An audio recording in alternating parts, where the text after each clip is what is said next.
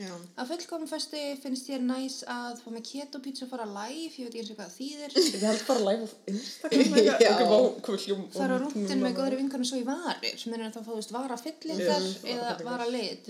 Nei, í varir. Græta einhvern vin minn að vera svo fullur á spilakvöldi. Ég ætla að taka rúndin og fara svo í varir. Mm. Já, veist, það. Just say. Það er smá bassi í því. Skammast mér ekkert. Nei. Þú ert GMT fyrir... Eitthvað snattst, alltaf magabóli að tæja jeans, ég hlýta hljóma svona sjötug. Mm -hmm. Fötum sér enda af Tinder húkköpi, uppbólst kósi galvin hannaðan af Lófauðs Tómas. Eitthvað snatch. Hvað sem það er. Já, ég... Ef þú ættir að velja að vinnu, hvað myndir þú velja? Frumkvöðl, áhrifaldur, listamaður, listamaður, bitches. Mm -hmm. Uppbólsmaturinn, snitsel og franskar. Já. Pulsa og franskar og kitkat. Ok, eina sem ég gæti borðað er franskar og kitkat. Já, ég líka, ég og ég Og hata hana nestlögin. lífinu. Bad Baby Bad Baby. Jafntefnileg millir Páls Óskars og Demi Lovato eða? Ú, ekki minna as Já, klálega. Ég myndi ekki búa í Íslandi, hvað myndi ég búa? Tíle, Suðukoru, Slá, Suðukoru, auðvitað. Young bitches. Mhm. Þrjálit og eyðeyju, kær og gloss og síman Keto uppskuðubók, keto strangar og bláan kollab eða þrjá hnífa. Ég, ég held að allt ert að bara að keto. ég ætla að velja af því þú veist þá leiðis mér ekki, annars er ég bara ein. Ég segi að nývan... Hverju leitaðir í að því fari maka heit, Ég heitari heitastur ekki.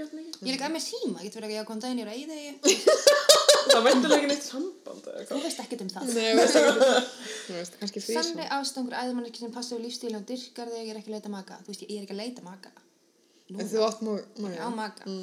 Sem dyrkar. Já, En bara svona almennt hverju leitar það. heitur, heitur, heitastur Drauma deytið, góða matur og dýrt hótelherbyggi Getting dicked down á fyrsta deyti Og ég verð bara að sína hann nýfasafnum mitt að fara svo rúndin. Ég elska, ég veit ekki, já. Þú voru að koma stæði þáttum. Uppáhalds kveikmynd er Dreamgirls Slegið. Uh, Celebrity Crush, Harry Styles, Travis Scott. Ég er ekki með Celebrity Crush Fólk er með Celebrity Crush á mér Já, er. Mottoðið mitt í lífinu, allt gerast á ástöðu jóla og það snitches get stitches Er það nýfasafnið aftur? Þú veist, ég held að þú veist, snitches fá alveg oft stitches Það er lífsmottóið. Mér finnst það svona það líklegast til að vera eitthvað íhuga ok. Hvernig sé ég fyrir mig lífið eftir 15 ár? Ég er hættur í listinu orðin minna kynslar auðun blöndal, ég vona ekki, mjög ég myndi ekki púla skallan. og ég myndi þá ekki kunna synda heldur, sem Já, er er- Já. Ég er áhrifaldur sem ferðast á milli landa og bý í New York, LA og Suðu Kórist og þrjá kærasta. En það með saman makur um nokkuð börn komin í stort ymbiljós og ég er. Uh, já. Til í það. Þú verður Fornafn er Ufsilon og eftirnafn er Jóð. Já, Og ég er Jóð K og ég er ennþá til að sila. Ég er patt. ég er vinamargur og frægur. Uh, já. Ég er alltaf snatst og fab. Saman hvað það. Uh, snart. Ég hef mikla vettingan til lífsins, ég hataði hlutur og leðilegir. Nei, ég elskaði hlutur og leðilegir. Boring kvöld er bara Oh my god. heitar sem enginn áhrif á mig. Ó, jú. Ég ger alltaf áfram mitt. Nei. Herri, þetta voru skemmtlegt. Já. Er einhvern með styrlað staðrind? Mín styrlaða staðreind er, það er, árið 2018 voru fleiri kallar sem heita Finnur framkvæmdastjórar heldur en konur á Íslandi. Nei, hæ? Ok, þetta er styrlað staðrind sem ég hef gott. Hvað voru þið margir? Þú veist, tveir eða eitthvað? Já, tveir að þrjú. Það er er Þetta meina sem urðu. Þeir sem voru árið 2018. Ó, sæl. Þannig að maður ætti að heita Finnur. Já, success. Ó, Ég er ekki með nætt, ég. Æ, Ég veit ekki. Sko, Kottu hvað, þú lítur að vita eitthvað um lífið. Uh, Eitthvað um tennur? Eitthvað, það, ég veit ekki, jú, ok, ég get, ég get það sem, nei, ég hljóma bara svo klikum mann að skalla að tala um smýr. já, tölum um smjör. Díana smjör snýr aftur. Hvað það var hérna, ég man ekki hvort það var í Svíþ eða Danmörku, það sem er hægt að, eða til orð yfir það þegar að maður smýr, er svona svo þykkt, skilju, og það kemur tanna fyrir það. Mm. Það heitir tannsmör. Ok, Æðislega. þannig að segir ég vil tannsmjör á bröðið mitt. Ás, Það er svo mikið smjör alveg tannsmjör, sko. Já, Ah. þannig, skilju. Hversu mikið smjör? Alveg Tannsmjör. tannsmjör. Tann, tannasmjör. Og síðan þegar það þykta fyrir alla tennur onni upp í góm, það er gómsmjör. Það er díunusmjör. Já, já, Ég veit ekki alveg með það. já, með þetta gott vídeo af díinu að borða og tala vel um smjör á áramótarum 2016. Oh my god, það var gott, já, ég man eftir Það er því. eitthvað, ef við fáum borgað eitthvað er til að hleypa í lofti. Einmitt, já. Gömul mynd Já. þetta okkur, ég veit ekki alveg með það, sko. Nei, en burt sér frá því, hvað ætlum við að tala um í dag? Og hvers vegna? Heru, það er skvísan. Hvað skvísa? Ég? Já, meðan. Uh, skvísu menningu, í raun, í popkultúr. Og ég ætlaði bara svona, ég veit ekki á, ég byrja á hérna, hvað, hver, hérna, hvena kom orðið skvísa? Já, ég, 76. ok, ég veit um þetta ekki hvað ári ég. Núna er ekki þetta fyrir mér. Ég er að meina, sko. ég er að skoða þig, sko. Hverju skvísa, þú veist, hverju heitir þetta skvísa? Er það svona squeeze? Já, náttúrulega. Við- Ég vissi, ég vissi það reyndar, þetta kemur frá squeeze. squeeze. En svo segir vísindavefurinn líka að það rakið til stríðsárna og árna þar á eftir þegar fjöldi breskra og bandarískra hermana dvaldist í landinu og ymsið þeirra reyndan á sambandi við íslenska stelpur eh, sem litla ennsku kunnu. Þannig að orðið er, já, uh, ummyndunar ennsku orðinum fathom, eða ennsku orðinum squeeze, eða, já. Uh, þannig að þeir voru kannski eitthvað, hei, squeeze, kom squeeze, ég veit það ekki. Þú hvað lélega? Já. Krista. Einmitt, það þurfti svona ekki mikið til að toppa íslensku görna. Nei, maður bara ekki, þú veist, í einhverjum fjóshaug. Þannig að gæra skvísur, guys and. Squeezes. Ég var myndið að horfa á hérna, hvað heitir myndin með Heath Ledger þegar hann er Joker? The Batman Races. The Dark Knight. Dark Knight, já. var það. Ég ætla að klippa þetta út. Og þá segir hann um eitt, þú þá er Jokerinn eitthvað, segir squeeze um mm. gæluna sem Batman er að squeeza og ég var bara eitthvað Mm. mind blown af því ég hef aldrei kveikt á þessu. Já, ok. Var þetta stutt staðrind? Kannski að því Batman Dark Knight myndin kom út hvað, 2000? Tíu, Já, níu, átta, já. sjö. Mm. Ég var ekkert fjör, gömur. Nei, það varst ekki mjög komið. Nei, það heitir háanöndur. En hvað, ok, skvísu myndir eða skvísu bækur, hvað svona þetta er eitthvað fyrst í hug? Bridget Jones! Já. Nákvæmlega. Um, Það er náttúrulega já. Shoppa Hall? aðal skvísubókin. Er það ekki eitthvað? Að. Confessions of a Shopaholic. Sofía. Kinsella, hún Já, er náttúrulega drottning skvísubókana. Ég var náttúrulega viðkenni, ég tók skvísu bóka áfanga fyrir tveimur árum eða eitthvað, þannig að þá skvísaði þessi svolítið í gang. Já, Öldubjörg. Já, hjá Öldubjörg, skvísu Íslands. En, og líka þú veist sjómas þetta, getur þeir ekki, eða þú veist, Sex and the City! Sex and the City, já. Ó, já. Þetta er svona fyrsta sem þetta eftir í hug, er það ekki? Legally Blonde. Legally Blonde, heyrðu það er að koma nummer þrjú. Hæ? Ég er Nei. mjög spennt. Hvað er það? Reese Witherspoon. Er til nummið tvö? Já, ég held það. Var hún góð í mamma. Ég er svo þakklátt fyrir að hafa sagt hennar brandara fyrir. Ó, fæla húmor. En já, það sem skvísumenning, sem sagt, það sem ég er fellur, það sem fellur undir skvísumenningu er chick lit, eða skvísubókmyndir, chick flicks, skvísumyndir og chick TV. Er ekkert chick lick? Skvísu munnmögg. Það er auðvitað einhverja annar menningu, eða Já, hvað. sennilega.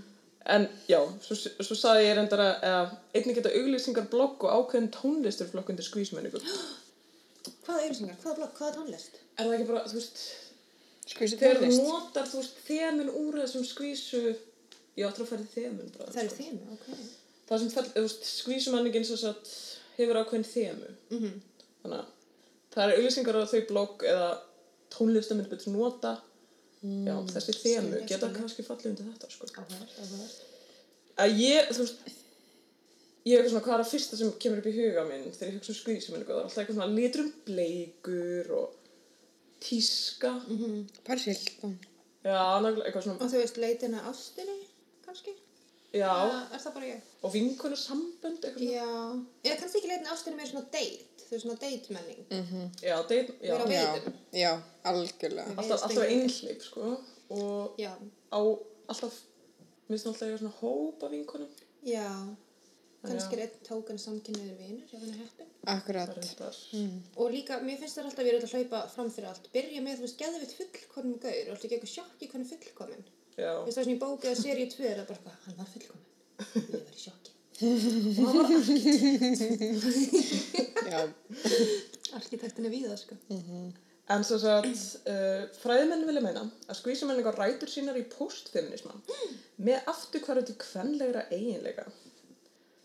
En, já, ef við tala um skvísubækur, ég ætla að segja, hvað því postum þessi feminismi og hvað minnar kvenlegir eiginleikar? Ok, sérst, ég ætla að spyrja þig eftir hvað, hvað, viltu útskýra munin? Herri, við getum alveg beðið með það, ákom setna. Já, sérst, að því eins og við skvísubækur, það hafa ykkur feministar, það aðalega annarar bylgi feministar, gaggrind greinina fyrir að stuðla staðlar í kvennimynd, útlitstýrkun og fyrir að leggja ekki áherslu á mikilvægi kvenna á vinnumarkaði og, og þú veist, svolítið merkjöld með skvísubækur og skvísumyndir kannski líka þá, að það kristalla- kristallast þessi munur eða tókstreita á milli annara bylgju, feminista og svo postfeminista. Er það þriðjubylgi, er það eitthvað allt annað? Er ekki þriðabylgjan í raun postfeminista? En er það post-postfeminismi? Af því post-feminismi eins og ég man það er þá, þú veist, er ekki lengur feminismi Já. og hann skiptir ekki máli. Þetta er bara svona frjálsfræði í raun. En eins og það er- þriðjubylgi eins og þú veist Beyoncé. Eða, Ég held að skilna á milli sér rosalega óskýr. já. Og það er örugglega alveg hægt að skilgruna en ég kann það eða ekki. Sko. Nei, ég veit líka ekki af því ég mitt skoðaði svolítið postfeminisma í sambandi við postrasisma í mestaröldgerinu minni Mhm. og það var um svolítið þessi hugmyndum að þú veist, þetta var svona hvítar minnstakonur sem haldaði fram að þurfi bara ekki feminisma lengur og geta þú veist og hann sé sem er að halda konum aftur og þetta sé bara búið, við erum orðin jöfn og til hamingi með lífið. Já, þú veist, í raun sko, eins og ég sé þetta, þá, þú veist, var nöðsöld fyrir fyrstu og annar bylgi feminisma að koma og þeir þurftu að brjóta niður þessa hugmyndum fyrirmyndur húsmóðana eða þess að þetta kynja hlutverk sem konan fekk. uh, eitthvað, já, einhliða einstaklingar sem vildi bara börn og buru og áttu bara að vera því. En eftir að svo ímynd eða þú veist, svo pressa var einhvern veginn brotin upp, þá var náttúrulega meira pláss, fyrir konuna til að bara gera það sem hún vildi. Ef hún vildi aftur þetta í að vera í gömlu kvenlegu ímyndinni sem var búið að búa til fyrir hana, þú veist, eiga börn og böru og eitthvað og vera rosa sæt fyrir kalla, að það máttu bara gera það. Og það er, veist, það sem, það er það sem ég meina með að skvísabækunar að hverfa aftur til þess.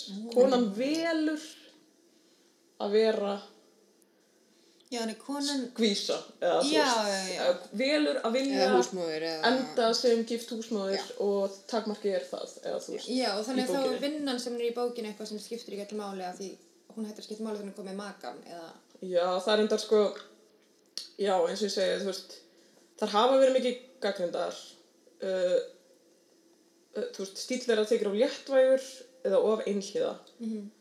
og bara yfirborðskenda lýsingar og sína þar sína líka neyslu efnisviki í mjög jákvæði ljósi. Já, þannig að þessuna og þá þar hafa fengið hennan lámenningar stimpil á sig vegna þessa sko uh, má ég segja eitt áhugavert? já, að ég var svolítið, ég var að skoða í samvikið við postrasisma og postfeminisma þessa hugmyndum að þú veist annar bylgi feministar vildi brjótast út af heimilinu og fá fann að vinnumarkaðin en það svolítið miðað að þú veist sem hvítu miðstjættar eða ríku konum að þetta er svartar fátækarkonur þær máttu ekki vera á heimilinu þær urðu að vera inn á vinnumarkaðinum til að þú veist sjá fyrir fjölskyldinu sinni mm. þannig þær voru þá að ala upp þú veist hvítbörn og þrýfa hvít heimili meðan börnin þeirra voru heima og þær Já. gátt ekki séð um þau. Þannig að það var þú veist frelsi fyrir þær er að fá að vera móðir og vera á heimilinu með börnunum þínum. Já, já, og þess já, var ekkert svo langt síðan þar voru þrælar og börnin voru tekin að þeim og selda eitthvað annað eins og dýr. Einmitt. þannig að svona það að fá að vera móður og fjölskyldueining var þú veist barátöfni svartra feminista í bandaríkjunum. Meðan alltaf hvíti missettar er eitthvað ég vil ekki banga lengur, ég er farin. Það er mjög áhugavert. Og reyndar, þú veist, það þú veist, er ekki skvísubókmyndar svolítið Hvítar. rosalega hvítar. Þú veist, er til eitthvað eh, þú veist, skvísubækur já, það er ein kona Um- sem skrifa svartar skvísubækur ok, sem heitir eitthvað, hvað heitir hún, Karin Tungsson eða eitthvað. Já, og Gjallan er alltaf með slett hár og byrja alltaf með hvítum manni. Já Woo! Einmitt. En þú veist, það er þetta sem að annar bylgi feministarnir sem ég skil eftir að þessa lungu baráttu um að, þú veist, brjóta þessa múra að, eða svo brjóta þessa hefð, eða ég veit ekki hvað maður að kalla mm. allt í hennu vilja allir fara aftur. Þá finnst þeim þetta rosa erfitt, held ég. Ég skil það vel sko. En já, skvísubókmyndir eru mjög vinsalar þó að þar hafa hennar láminningastimbil já, og eiga margt skilt með ástarsögum í formi og persónasköpum halló. Uh, sem við myndi jafnvel spyrja hver munurinn væri þar á milli meðan hann sé er það neysluhyggjan? Ég sagði, ég, ég valda bara, er það bara svo staðreind að skvísbækur eru skrifar eftir konur? En svo hugsaði ég, en er ástar en ástarsögur eru alveg líka skrifar eftir konur? Já, er það ekki svolítið bara... en það er eins og, er þetta ekki smá skilgreiningar atrið eins og Jane Austen, eru það ástarsjögur? eins og Pride and Eða er það skvísbækur?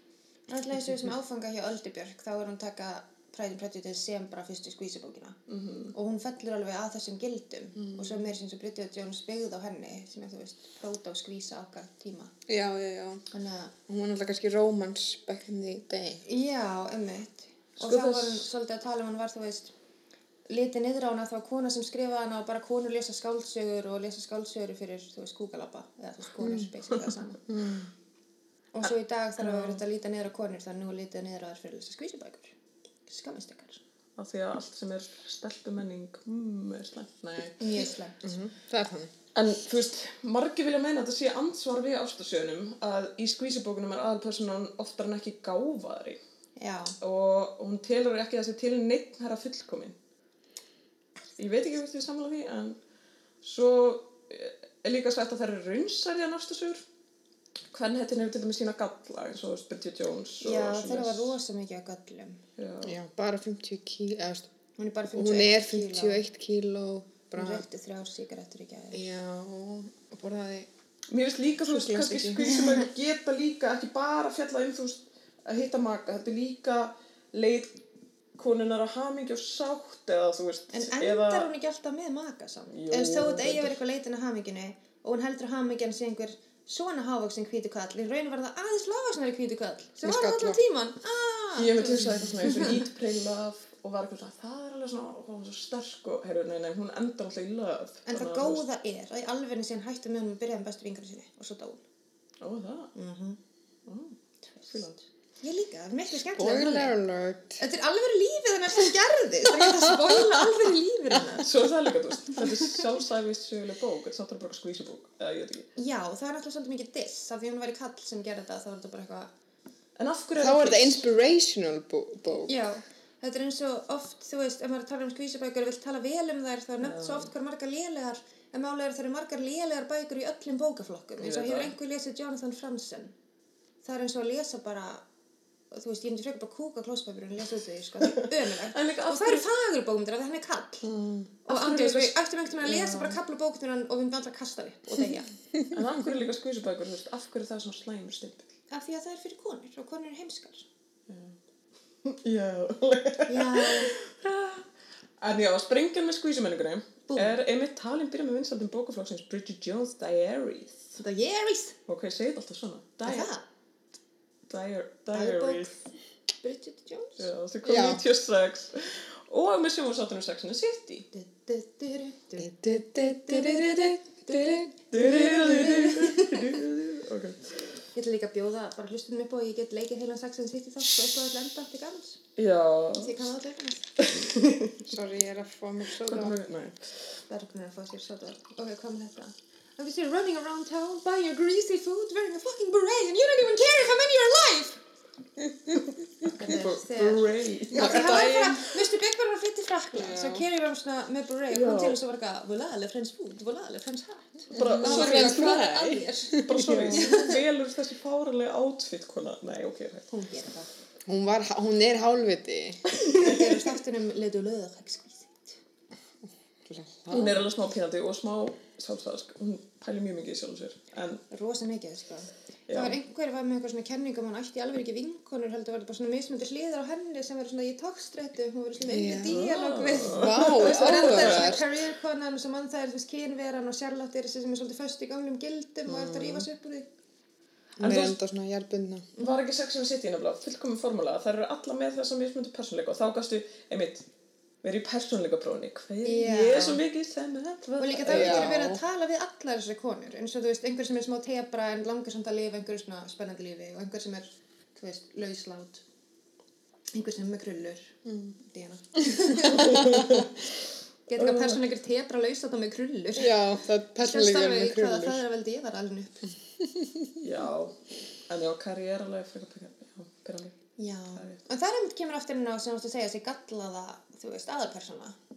Já, Og það er þetta ekki eins og í róman sem það sem er eitthvað, Guðrún var fullkomin, hún var með reisast á raugu, en starri brjóst og sítt hár. það kemur líka, þú veist, hún veit, hún veit, veist, þetta með að það er ekki herra, herra fullkomin.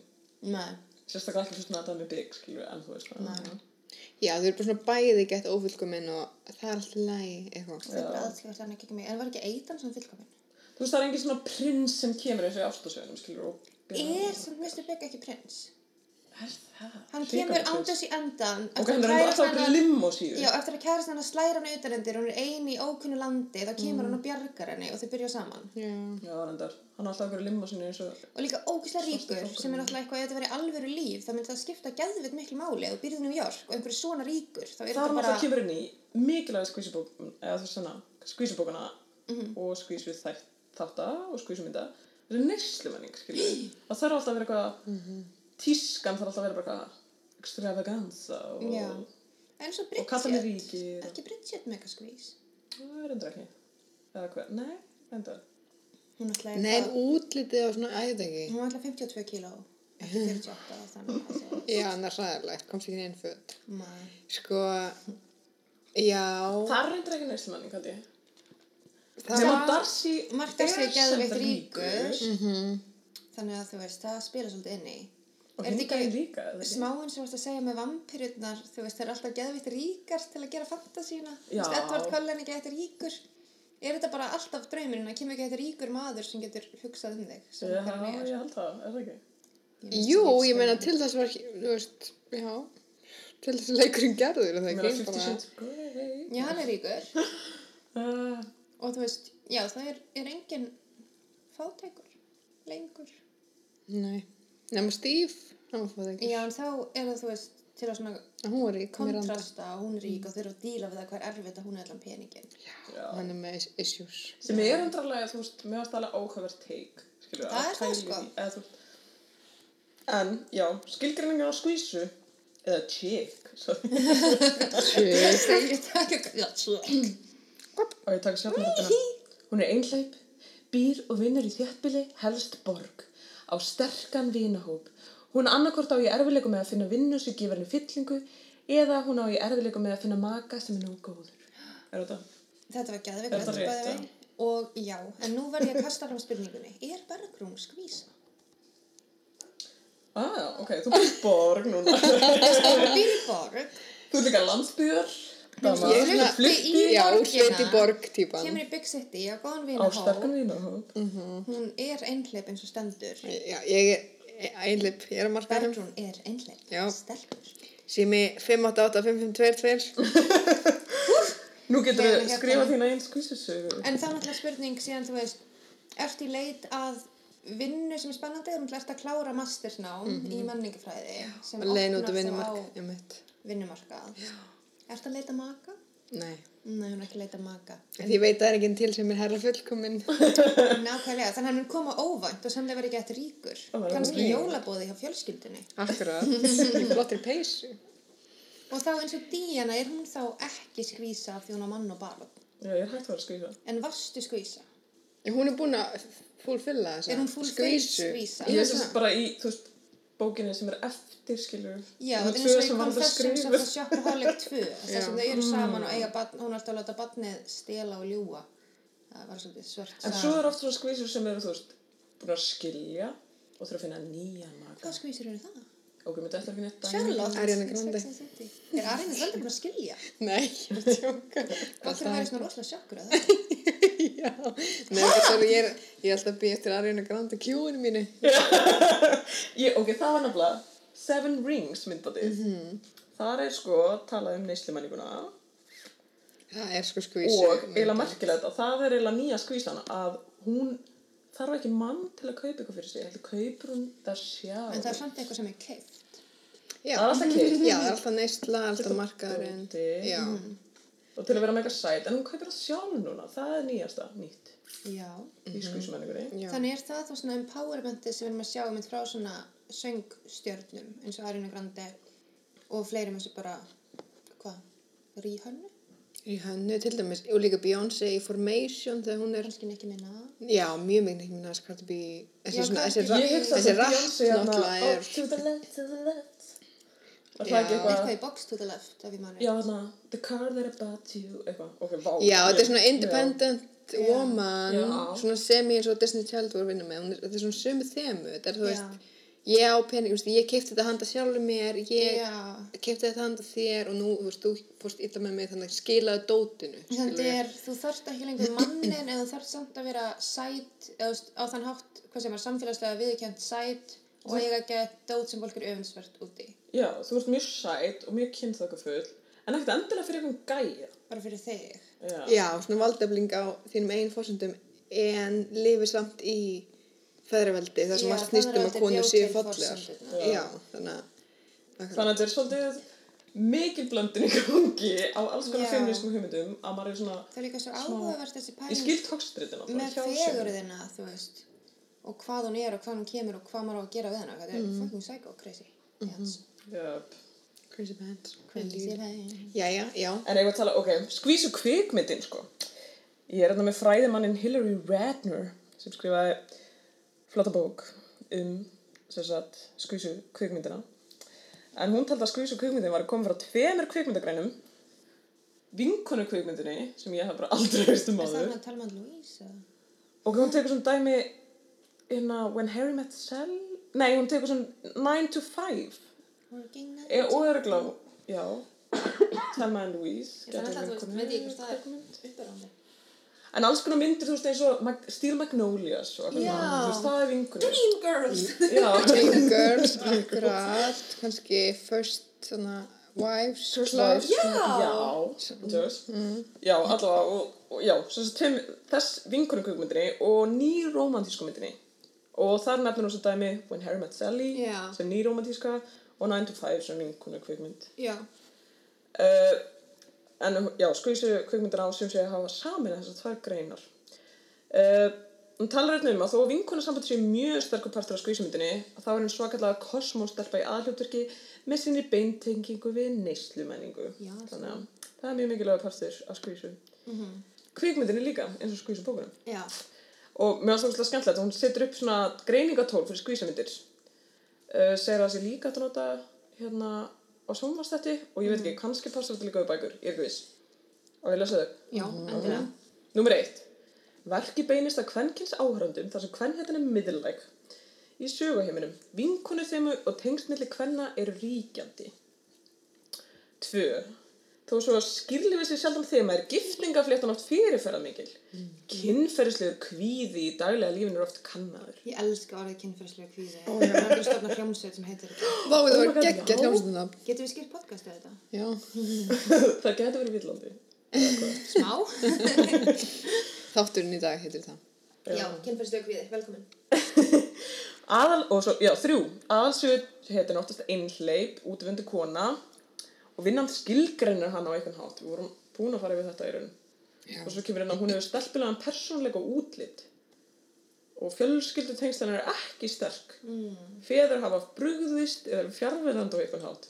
Eins og ég sagði þetta eitt í. Mhm. Þegar mamma hennar Carrie fór frá henni og við hittum aldrei fjölskyldur neittnar þeirra nema þegar mamma Miranda deyr og sem hann Já. það rýður bróðurinn Charlotte. Já. Gamma, skemmtilega tvist á hana þáttin sem við gerum Karri þegar hún var ung. Já, Þá var pappin allt inn lifandi og mamman var dáin. sko. Pappin var ekki dáin, hann fór bara frá henni. Já, ég mynd, frá já. já, og mamman er bara lifandi en hún minnist aldrei á mömmu sína. Nei, það er aldrei Það mamma. er Við svo veitum ekki hvort hún er í sískinni eða neitt. Samantha segir einu sinni að þegar mamma hennar var færtug þá átti hún, þú veist, fullan eiginmann og fimm börn eða eitthvað. Það er eins og við veitum hennar uppeldi og að hún hefði, þú veist, totta eitthvað gaur sem var 12 ára hljóta sundlegin hans. Alveg rétt. Já, eða 13. Já, Hengi ekki á því. mjög eftirsóknarvert, næ. Já, ég meina sundleg er sundleg. En svo kemur hérna neyslumenning og lífsgæðakaplöp, mynda mikilvæg umgjörð. uh, og neyslumenningin í verkinu býr upp á töfra heim, eins og, Já, þú veist, Já. fallegu íbúðir og fallegu föt og fallegu veitingastæði og fallegu vinkonur og fallegu drikki. Já, allir Nefnilega. brand name, Chanel og, og Louboutin og svona skreita sem er, já, svo hérna, skemmtilegt að atbyrju verkan eiga sér stað í New York eða á öðrum landfræðilega þekktum stað. Það er enda alveg mjög rétt, ég meina, þú veist, það er ekkert eitthvað, eitthvað, þú veist, bók eða þáttur eitthvað, já, gerist í Poughkeepsie, eða eitthvað Nú skilur. var ég að spyrja, skvísu er ekki sama eins og romantíska gammyndir, þær eru bara annar flokkur. Er það rétt? Já, í raun. Ok. Já, en overlappi hlýtur að vera En, hvern, en þú veist, það, hvernig á að skilgruna? Hvort þau, þú veist, Ég veit ekki. Hvort er Bridget? Jones bíómyndin er vantilega skvísu og romantísk gamanmynd. en mér finnst spes að Bridget Jones hafi verið, þú veist, valdurinn að skvísumenningu þegar hún, þetta snýst til ekki neitt um vinkunasamband og ekki neitt um neslumenningu. Mm, jú, samt eins og ég þarna allavega bókunum, þá er vinahópurinn svolítið stór partur, svona, það kemur svolítið staðan fyrir kjarnafjölskyldu, er þessi vinahópur sem er alltaf ok. að tala við þessa þrjá vini, þú veist, og byggir rosa mikið á þeim. En eins og í myndina það var alveg ekki neitt. Nei. En, uh, ég svo veist mér skemmtilegt að hérna, hún nefnir líka breytingar þegar mér byrtast í yfirhalningu, makeover, Yfirhalning. eins og við tölum um í vampæri þeim. Oh my god, getur við ekki er það skvísum? En sko, markið með þess að makeover sennur, ég veit við vorum að gera grína um síðast, þú veist, en hún vil meina að þær hafa í raun dýbri merkingu, þó það séu mjög yfirbórskendar. Að yfirhalningin á útlutinu á í raun að tengjast og merkja innri breytingu persónunar. Þannig að þú fjálst fyrir öllu sem feðraveldið seldi þér og hættir að vera þú sjálf meina þetta er, já, þetta er eins og færðu mann. Þetta hefur líka áhrif á út, eða, þú veist, áhrif, eða þú veist, breyting á alveg. útliti hefur áhrif á frama eða líf persónunar. Mér finnst þetta meika ekki mikið sens, munið ekki eftir öllum, veist, eins og Lindsay Lohan, hann að Confessions of a Teenage Drama Queen eða eitthvað, þú veist, þú fyrir svaka yfir hann líka og þá það gerist eitthvað svona major eftir það, þú veist, það er alltaf eitthvað svona. Og Þetta er bara að þetta er bíómynd, skilju, og það þarf að sína mjög skömmum tíma og hún Og svona að breytast. visually, já. já. já. En eins og bara, hvað heitir það, Miss Congeniality? Mhm. Þá er hann, þú veist, einhver algjör durgur og svo finnir makeover og þá finnir hann vera svona open-minded og vera til í hluti og vera bara betri við fólk. Já, Basically, þess að hún er fyrst eitthvað, eh, líti ekki að mikið niður á alla. Og svo mitt fær hún sléttara hár og er eitthvað, við erum allar vinkonur, við erum allar vandamál. og þá er spurningin svo í hvað, clueless. Það sem gælan er, þú veist, frekar svona tomboy-leg og svo bara Og svo koma það að vilja breytinni og Já. hún verður frekar tussuleg eftir það. Nefnilega. Sama eins og. Devil, Devil Wears Prada þegar hún bara breytist og þá verður hún, þú veist, missir sjónar á alvöru gildum lífsins. Já, Og að ég kærasta sem gefið þið samloku með osti. Og sem er fátökur ekki ríkur. Mm. kærastinn hennar var samt the real villain of the movie. Let's be real. Ok, já. samloka var. Það var eitthvað nú Hann var algjör tursa. Það er tækifæri lífsennar og í staðan fyrir að vera eitthvað okkur, þú getur það, þetta er bara ár og ég er bara stend með þér og peppa þitt og hann bara, ég hætti vinnu, þú mistir af samlíkunni sem ég gerði anda En var það ekki að þú voru hann eitthvað veit. Nei, hún var bara ekki að upptekinn og ekki að stressi, þá Já. Já, Hún- reyndar hún hann bara var frekar láta- leðilegur og ljótur. Ángríns. Real villain of the movie. Og reynir líka segja manni að borða þessi samloka sem ég er alltaf að tala um. Þannig að hann er ekki góður kandidat fyrir fátaka. Mm, damn it. Já, þú veist, Af því hann er fótaukur, þá var hann the er hann já, það í er ekki að vera þannig, það er alltaf einhverju slætað þeim. Ég er ekki með krullur. Jú, Jú, allir sem erum krullur alltaf. gýðinga nefnt, nei, djók, ok, kvarta þetta, kvarta þetta. Ok, er góð, góð aðtöða um hvernig Hollywood er svona að nota útlit til að sína persónuenginni en ekki hatur bergrannar og Já, það er, Það er oft þannig sem kaltanir spjallan þarf að koma inn. Ef Já. að fá svoleið. Við þurfum að gera það. já. Hvar kaupir maður bjöllur? Svona bjöllið eins og þegar maður mætir á hótel í útlutum og það Eða svona getur betur svona ding, Gunnar Pilsson. Já, eða, já, setja klink í krukku eða eitthvað. Já, eða bara opna sótavatnið. En hérna kemur líka... Svo reynda líka Já. er þetta, þú veist, við getum editað hverju sem við viljum inn í þetta. Þú veist, við getum verið risaðalega öskra við viljum. Gýðingan er. Þetta er alltaf inni við að leika rís. Ángríns. Já, ég menn Ok. okkur ekki. Og En við síðustu tvö, ég lesa þeim. Já, Það er endilega. alveg merkileg. Hvern hætti að öðlast þekkingu í gegnum endurtekningu þar sem fyrri mistök eru leiðrétt. Svo hún er alltaf gett svona, að ég veit ekki, Ég skil ekki. bara eitthvað svona, hún gerir eitthvað mistök og svo þarf hann eitthvað, ég, ok, ég veit nú, ok. Nefnt dæmi. Ok, nei, þetta er ekki. Nei, ég er bara að pæla hvort okkur dætt eitthvað í þetta. Það er ekki eitthvað áhugavert. Er þetta eins og bara, Þú veist, hún gerir eitthvað mistök og svo hún bara, nei, ég vil það ekki. Og svo er bara, það eins og Bridget Jones að. fyrst í sleik við Daniel og Já. það eru mistök og svo fattar hann Mark Darcy er ekki tussa. Já, alltaf, jú. En heldur fyrst hann sé tussa og fattar hann ekki tussa og fyrir sleik hann. Ég veit ekki. Mér finnst það líka oft vera svona, er ekki hvern höndun ofta eitthvað svona, æ, hún er svona ekki kleiði, eitthvað. Ó, guð mig góður, já. Já, ég gef mig eitthvað sem Devil Wears Prada þegar hún fer að skýra hana bókinni Já. og hún fer með hana upp eitthvað, fer hún ekki svo aftur með hana setna og gera þetta rétt að þú veist, ekki. ég finnst þess að þessi mynd sé með en ég samt er bara eitthvað mm, ruggla, ég Þurfum að skoða þetta.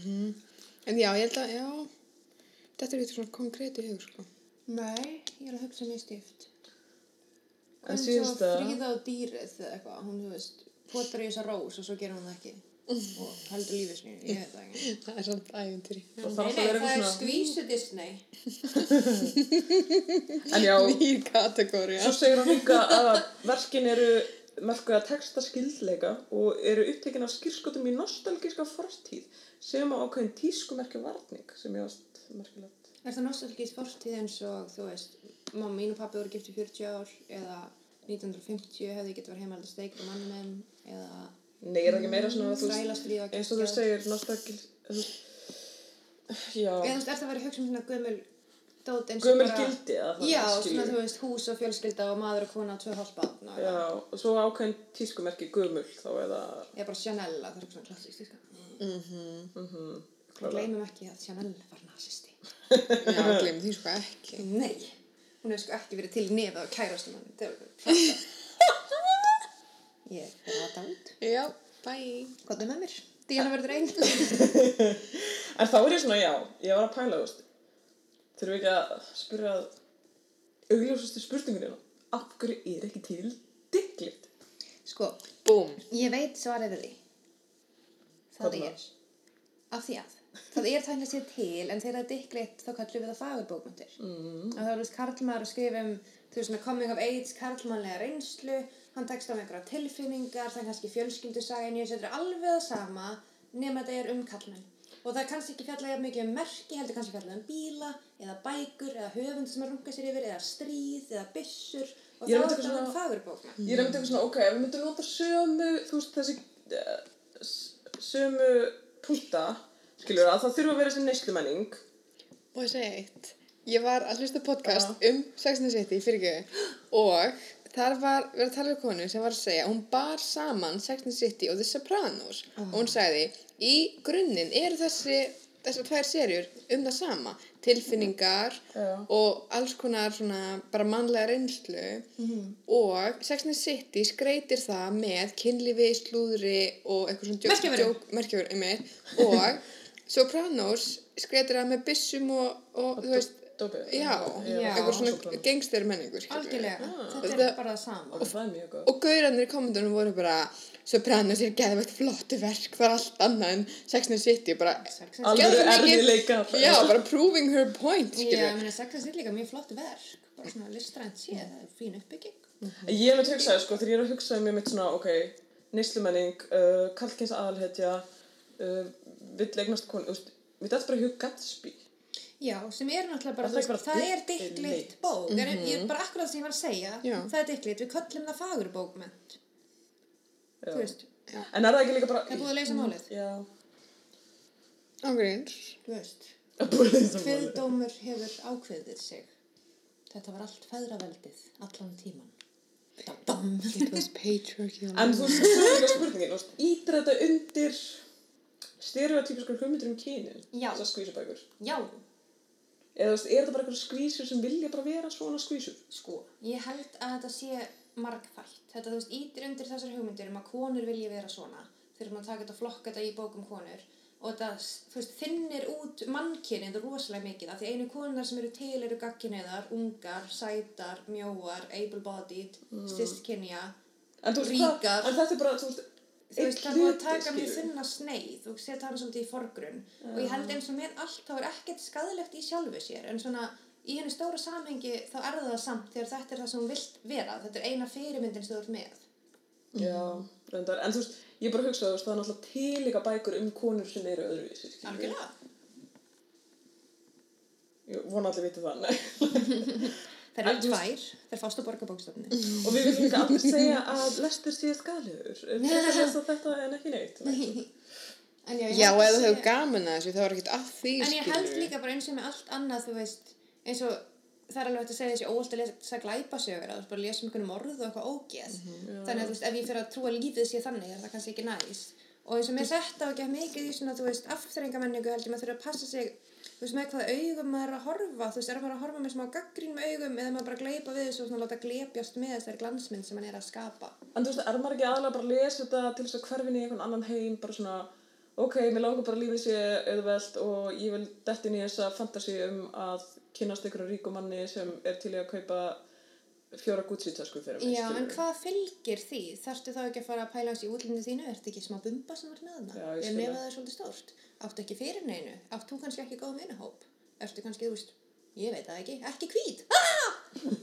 ok, þetta er skilja. Eða þú veist, ertu feit, eða ertu í hjólastóli, eða þú veist, allir fjandinn, þú veist, þá hvenar ferðu að óska þér, þú veist, er mjög fáir sem geta sett sig eins og þeir eru inn í þessa mynd og láta það virka. Já, já, klálega, sko.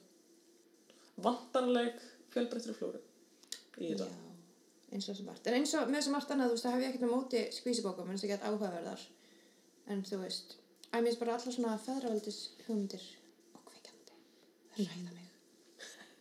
Þess vegna eru annar bylgjur feministar ekki til að samþykja. En þú veist, ég er mjög til að samþykja þetta og þetta megi og við megum vera skvísur ef við viljum. En það er samt svo áhugavert að pæli því hvort við séum skvísur að því við viljum það ekki. Eins og bara, þú veist, Já. Af því, þú veist, nú hef ég til dæmis verið gegnsætt og geggaljót á samfélagslegan mæli hverða. Og þú veist, það er bara ótrúlega mikil munur á hvernig heimurinn kemur fram við mann eftir hvernig maður lítur út. Mm. Og þú veist, að ég veit ekki, þetta er mjög áhugavert. Og ég var með eitthvað point en það lag út úr mér. Já, en þú veist, eins og í hérna ríkinu þinni, að ég var að grúska í gammal ríkja sem ég skrifaði, að sem ég sko hérna, þú veist, ég myndi vald og, og kvenleika og.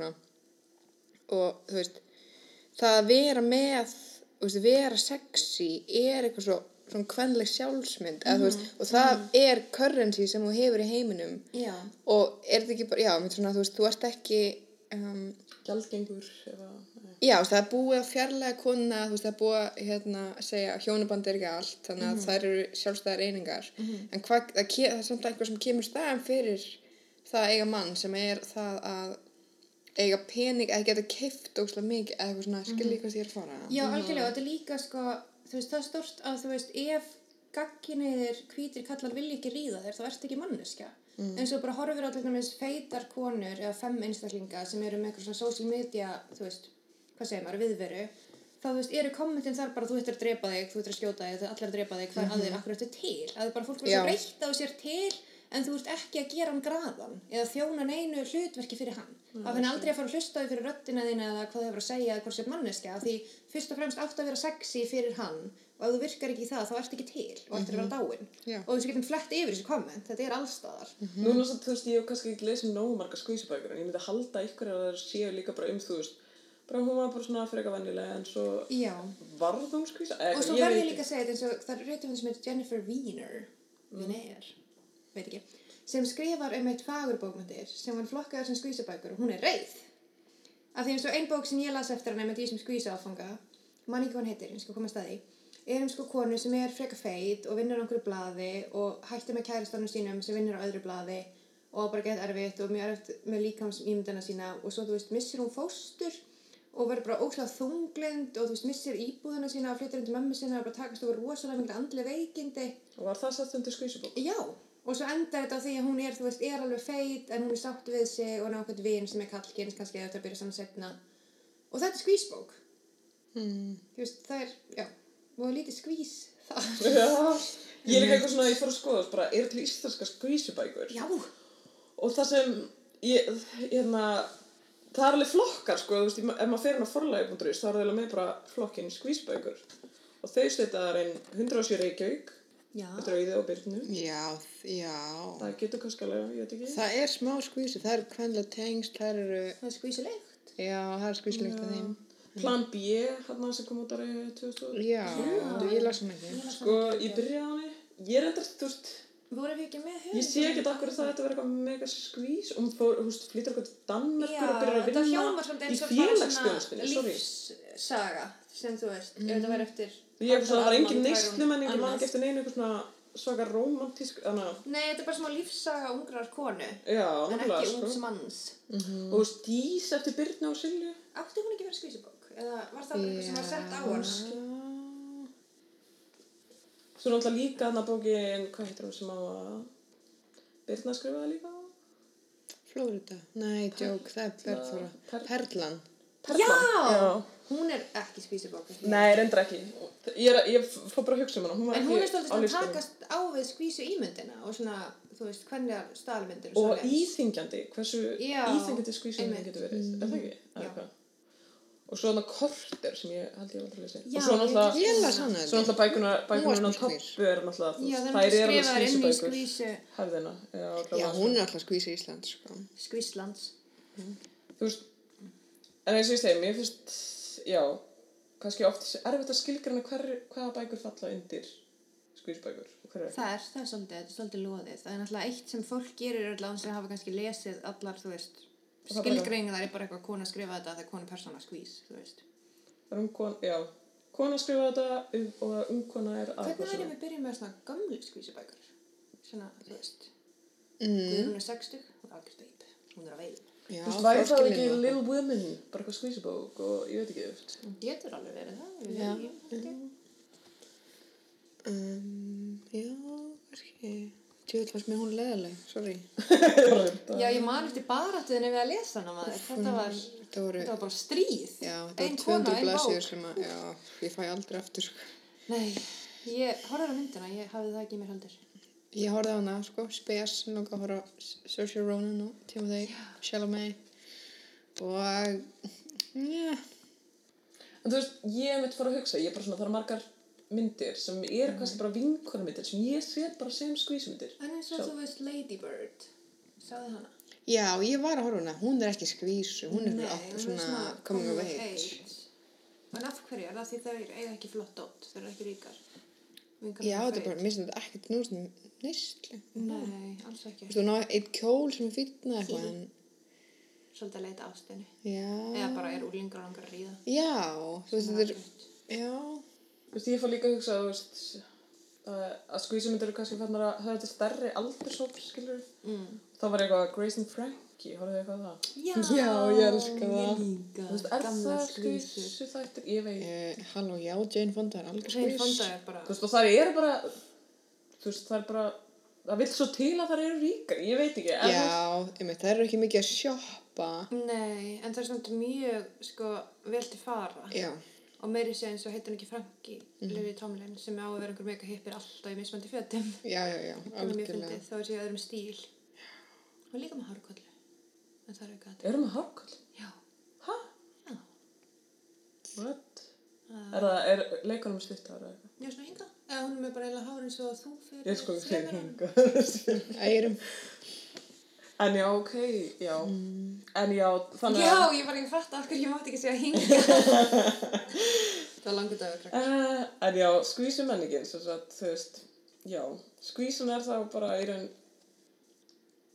ykkur sem að elskar að versla, ég veit ekki, þú veist. Já, en hvernig er það sem við notum skvísa í daglegu tali? eins og ef bergrun kemur í nýjum búli eitthvað, halló, skvísa? Þú veist, þá er ég bara að meina að þú ert í flottum fötum.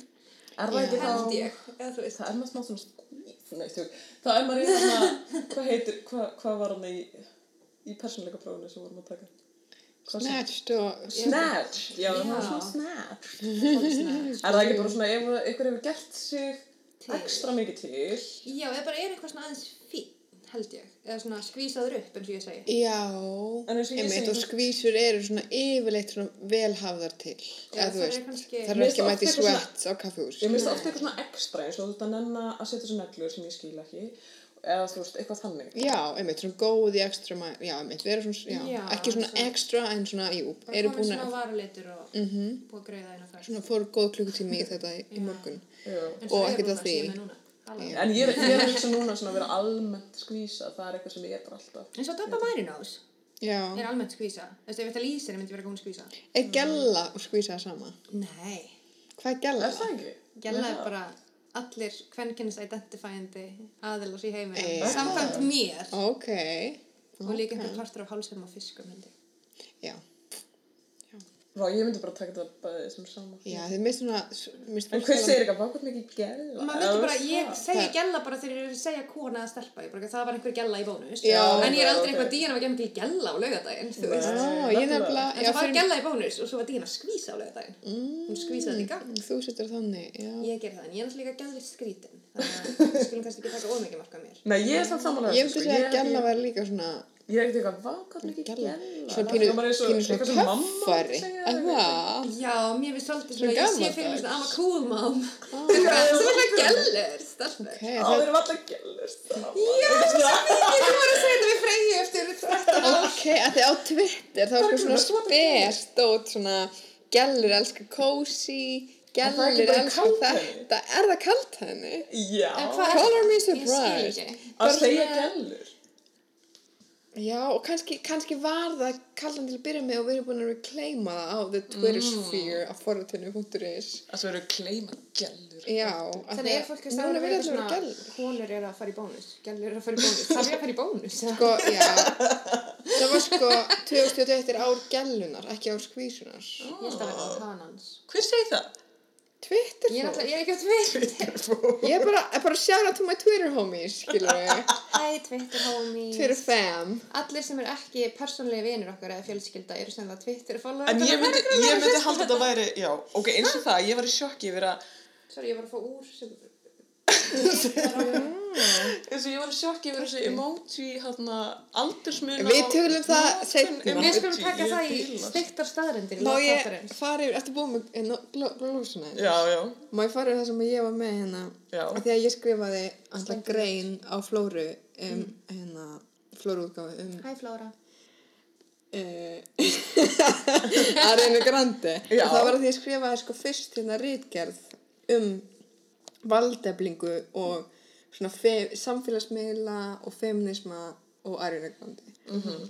Og hérna, og var að nota sérst Andrew McRobbie og Laura Mulvey og Rosalind Gill og Laura Mulvey er náttúrulega hérna The Male Gaze, svo sem coinaði það, mm Katrín. og ekki með male Gæla. gaze að sem hommar heldur The male augnaráð. eða karla já. Þetta er karlmannlega kíl. Og ég bara tók, þetta er smá úr, já, Skrifa K í K í J. ok. Uh, Og ég segi aftur í sem ég þreytti það. ég er svo svipin líka, sko. En þetta er ógæslega mikið slítið úr samingi, þannig að, sorry, sko, hérna, þú veist, markaðurinn hefur tekið hugtæki feminismi og framleitt alls konar varning með valdeflarni skilabóðum. Til dæmis, ég man að þegar ég tala um þetta í tíma hjá Siljuboru, ég, hún var að tala um bara valdeflingu í formi þú veist, sem er þá ekki valdefling. Og ég var bókstæðlega í ból frá Monkey, þú veist, fjölda framlutum í Bangladesh eitthvað, þú veist, það var eitthvað svona girls support girls. Já, já. og ég var bara shame. Ég ángríns, ég var svo undar í peys og ég var bara Silja, ég er Sek. Ég er vandamálið. já, ángríns og bara eitthvað svona, hún er, veist, feministi já, háskólistans já, þannig að þú veist, feminismi orðið svona neyslu var orðið tísku orð og það, þú veist, mér þetta alveg spila mér alveg skvísumæring spila inn í þessa Algjörlega. þú veist, þetta spilar, þetta er samspilandi samverkandi, væntalega svo hérna um, sem sagt, já, Múlvi Lóra Múlvi segir segir konun á skjánum hafa búið yfir tvöaldri virkni, það er annars vegar kynferðslegt viðfang, viðfang fyrir personur í frásögninni og svo kynferðslegt viðfang áhörundans í bíósalunum Já. og þú veist, ef við setjum þetta samtíki við skvísumyndir þú veist, þetta, nú er ég bara að tala um Ariana Grande en þessum, þessum texta en þú veist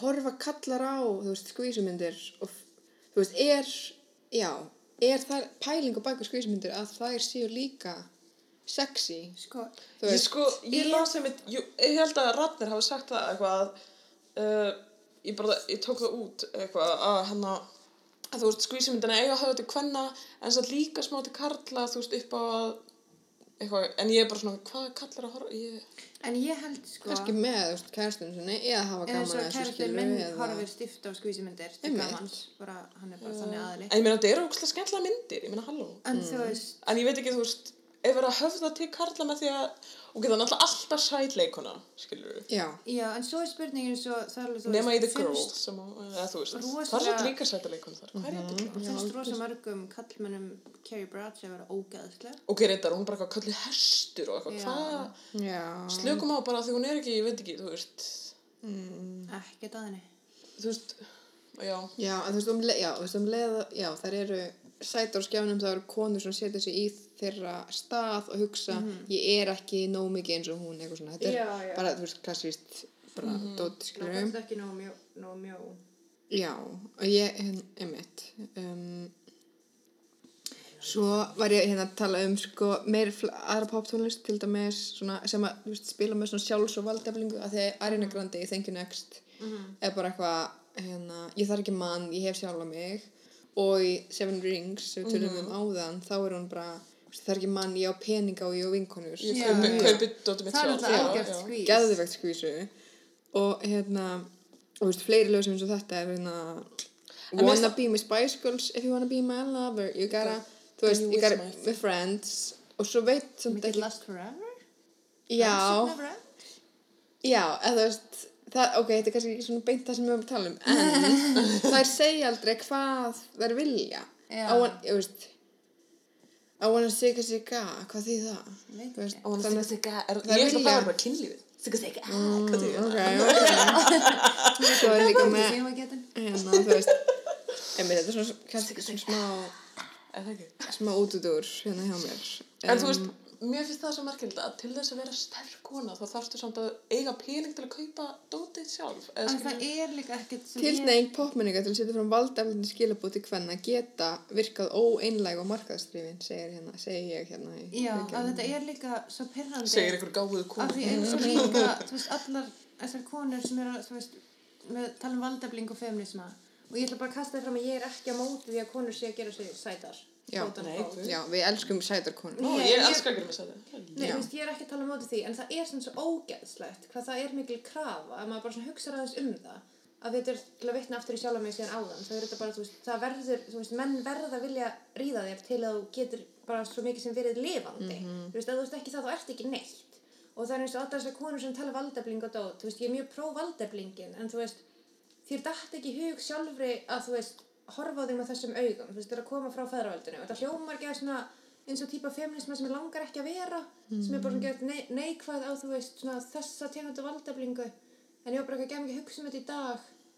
Mér bara svona Já, ég held þú að veist, það þarf að vera aðlaðandi og þarf að vera fallegur. Þú veist, það má ekki vera En bara 3000 Ég er kíló að hugsa, Og þetta- er það endilega ljótum bólum ekkert hár, það bara má ekki. Ok, nú ætlum ég samt að, þú veist, bara til að vera eitthvað svona mótvæðisrödd, þú veist, Mhm. er það ekki bara, ekki á ekki bara við um konur heldur um alla, þú veist, það að að vera, sko. það að vera aðlandi, það þurfa bara, þú veist, þetta er bara eitthvað í gen, eða veist, í okkar náttúru að þurfa að finnast aðrir aðlandi, Já, en það er þannig að karlar þurfa um líka að hafa fyrir því að vera aðlandi. við erum að vinna með Já, einmitt, hva, Þetta er rosa margir hvað er kallar sem aðlandi? dugir þeirra eru svo geggjaðan persónleika og það er bara nóg. Þetta er náttúrulega úrslega erfitt af því það er líka alltaf verið að breyta því hvað er aðlandi, Já, þetta er líka eins og bara með líkamar hvenna veist í tískubilgi. Það er aldrei hægt að vera nógu góður ef það er í tísku að vera með einn ákveðin líkama sem bara ákveðin prósenda er með að nú verður að vera með hann eða þú mátt bara drepa þig. bara eitthvað svona fyrir 20 árum þá máttur ekki vera með ras nú náttu allir að vera með ras þannig að þú veist er það bara Þá bara fer ég aftur að gangi stærri peysum eins og ég gerði þegar það var ekki í tísku. Já,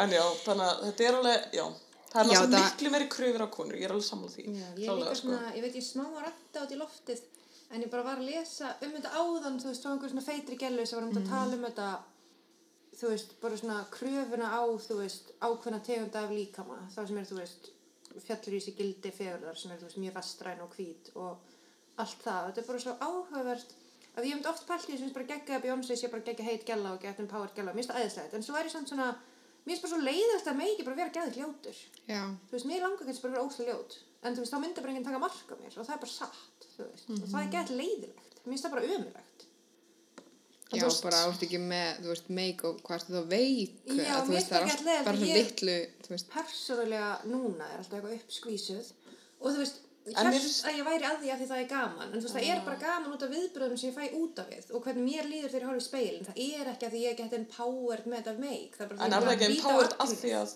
en ég meina er það ekki empowered að því að þú fær betri viðbröð já, algjörlega og þess vegna er það hverja sko.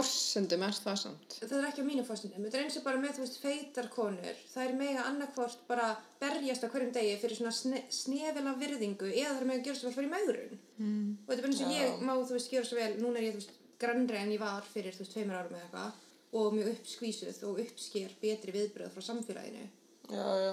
en ég er samt svona okkur þú ert náttúrulega ekkert að tala um það skilur. mér finnst alveg allir ættu þú veist alveg gott ef allir hafa þessu til, er ekki bara að mæta skilur bara Já, og ég er að tala um, þú veist, ég er rosa Já, maður er hrein. snirtilegu, Þú veist, skilur. þú veist, tala um ég sé rosa hrein og ég er bara eitthvað í, þú veist, Já, já, klálega. já, já, að ég veit ekki. Þetta En já, er skil allt það, sem ég ætla að klippa út. Þetta er bara eitthvað En svona... þetta er náttúrulega empowering að því að þú veist, að því að þú farð betra yfir Er það ekki? Jú, ég held það. Þá er þetta maður svona, eins og ég vitna aftur í þetta þingdartap, eða bara þú veist, þú veist, dökkur á hörund og fyrir að lýsa hörundi, þá færðu betri viðbröð og fellir betri inn í normið.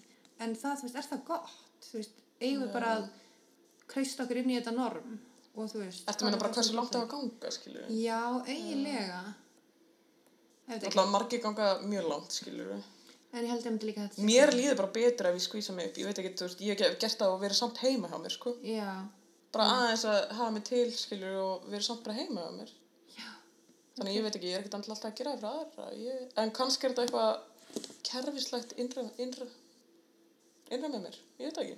Hvað gerir þetta? Vá, klála systematíst inn í manni. Er það? Já, því held náttúrulega við erum líka veist- með augu þá sem bara heima hjá okkur. Veist, ég sé mig alveg. Að þetta er bara, þetta er internalized male gaze að vissu marki. Já.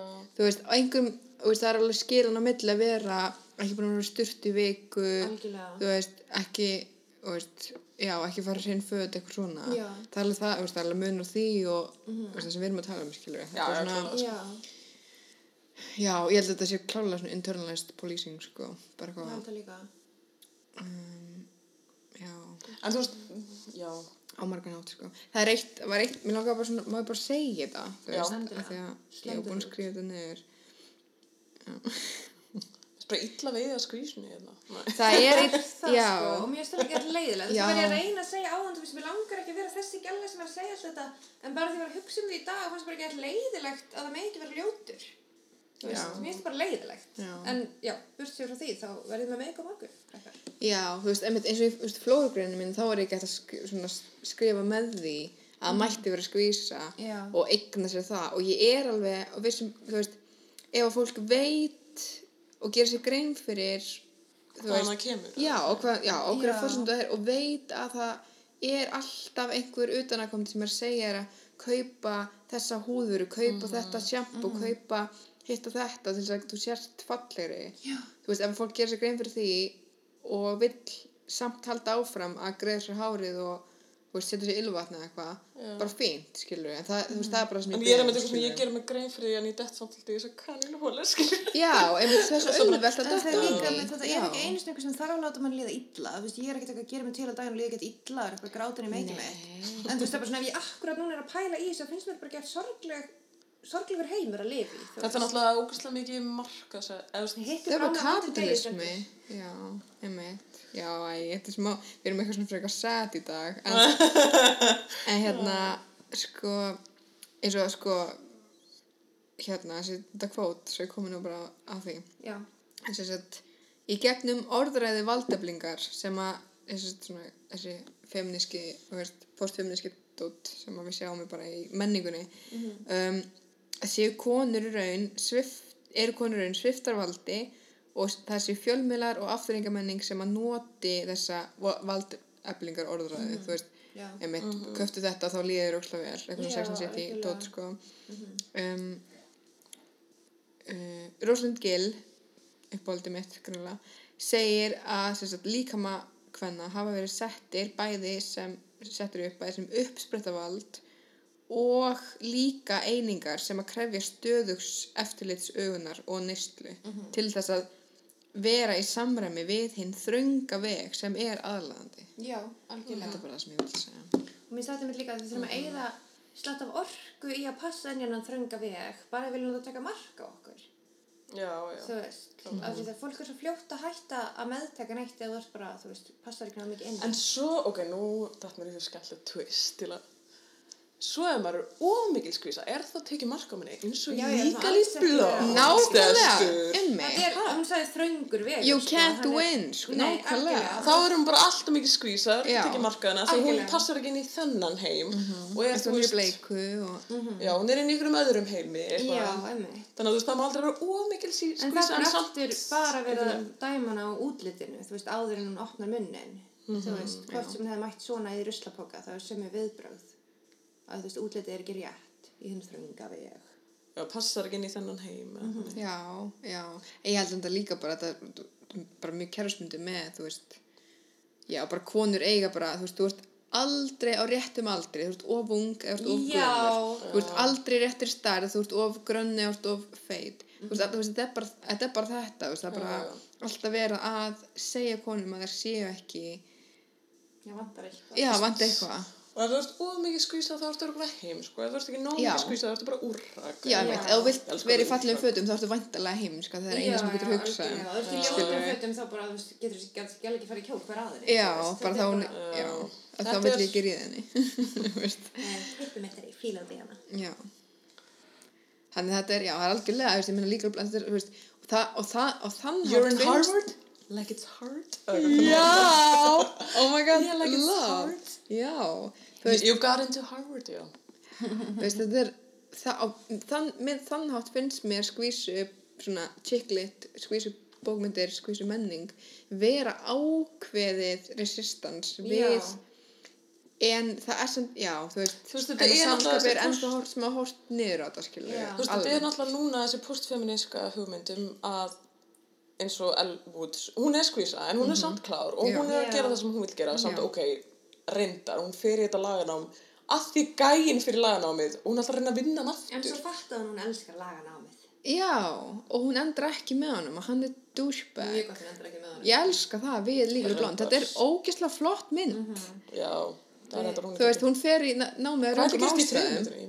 Ég er líka svo.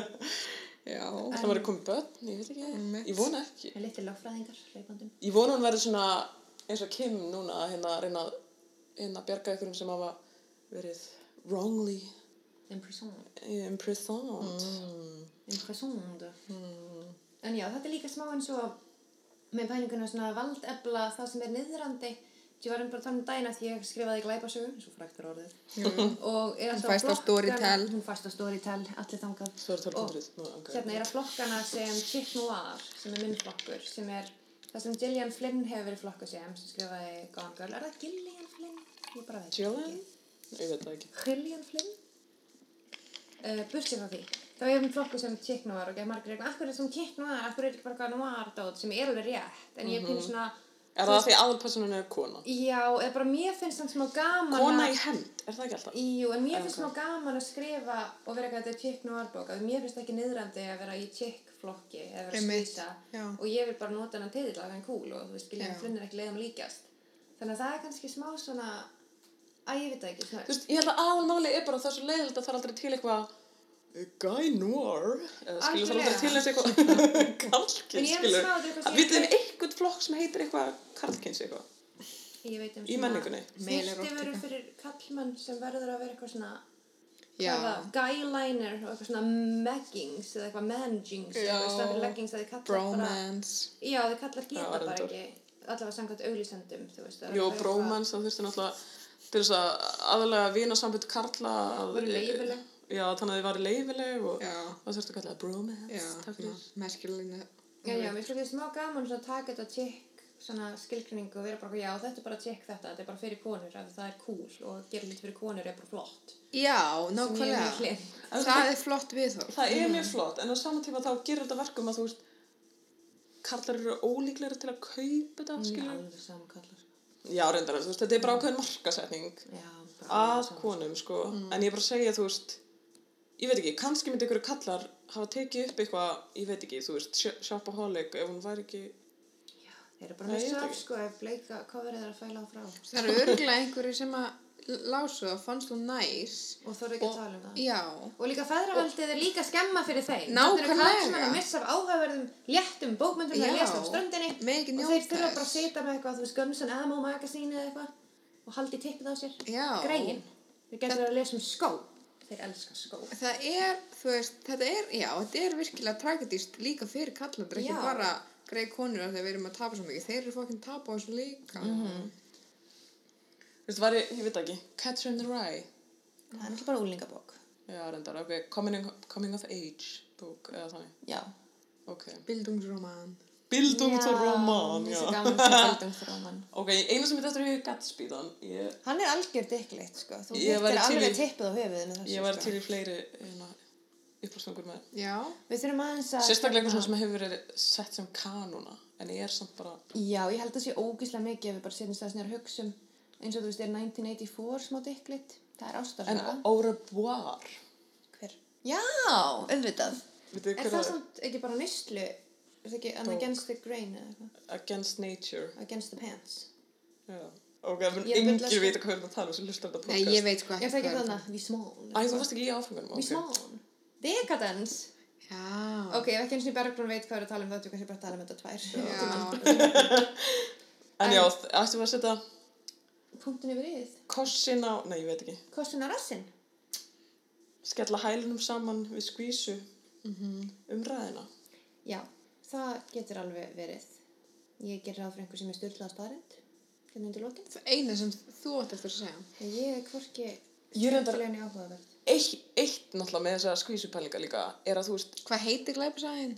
hey, Hún heitir flæðarmál. Ég kalla hana flæðó. mm. Hún fjallar um hérna sólei. Hún er að leita melkork. Nei, ég fór alltaf að pæla bara með þessa skvísumenningu og skó Já. Þú veist, hver bjóð til að eitthvað konur eftir að hafa svona mikið áhuga á skó Fucking Sex and City, er það Já, ekki? ég held það. Hefur eitthvað konur Hver er skrifið. Sex and City? Kallar. Er það? Star. Hei, já Samkynniðir kallar. Mhm. Dam, dam, dam. Það er líka Hver býr til how, how fashion? High fashion? samkynniðir kallar. Þeir eru allir hvítir. Hérna, bursti frá því, hafið séð mynd sem heitir In Her Shoes. Já, Það hún elskar skó. Mm. Það er einu sem passa á hana. Af því Já. hún er örgulega 53 kíló.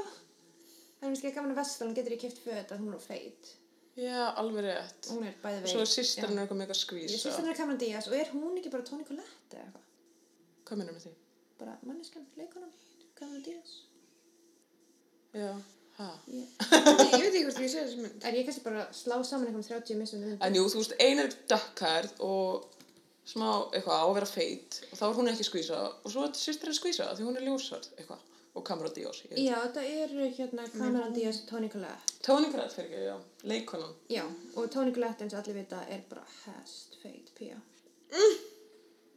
Já, Já, strelsk, þetta var styrtu starrend. Já. Ok, ég skal segja, ekki hversu geðveikt- styrlu Ég með styrlaða starrend. Og Toni Collette er einmitt í Hereditary. Já. Allir vita hver hún er. Ég var á fundi um daginn með leikstjóra sem alltaf að tala um Hereditary. og það tók mér svona tíu myndir að fatta hvað hann var að meina og ég var bara, já, fyrir þetta svona. Það Eins og geggjað. Hereditary. eins og Diaries Já, Bridget Jones Diaries. Hereditary. Bridget Jones Diaries ok, Það er sko alltaf, af því ég held ég sé eitthvað í hansku, þá þegar það er komin mikrofót, þá ef ég á að segja eitthvað, þá bara verði ég eitthvað, yes, hello, I am Icelandic politician. I know language, yes. Þú veist, það bara gerist eitthvað upp í mér, sko. Já. en já við kveðum Við hvernig við sjáum sattur í næstu viku. Ekki glemma að skvísur.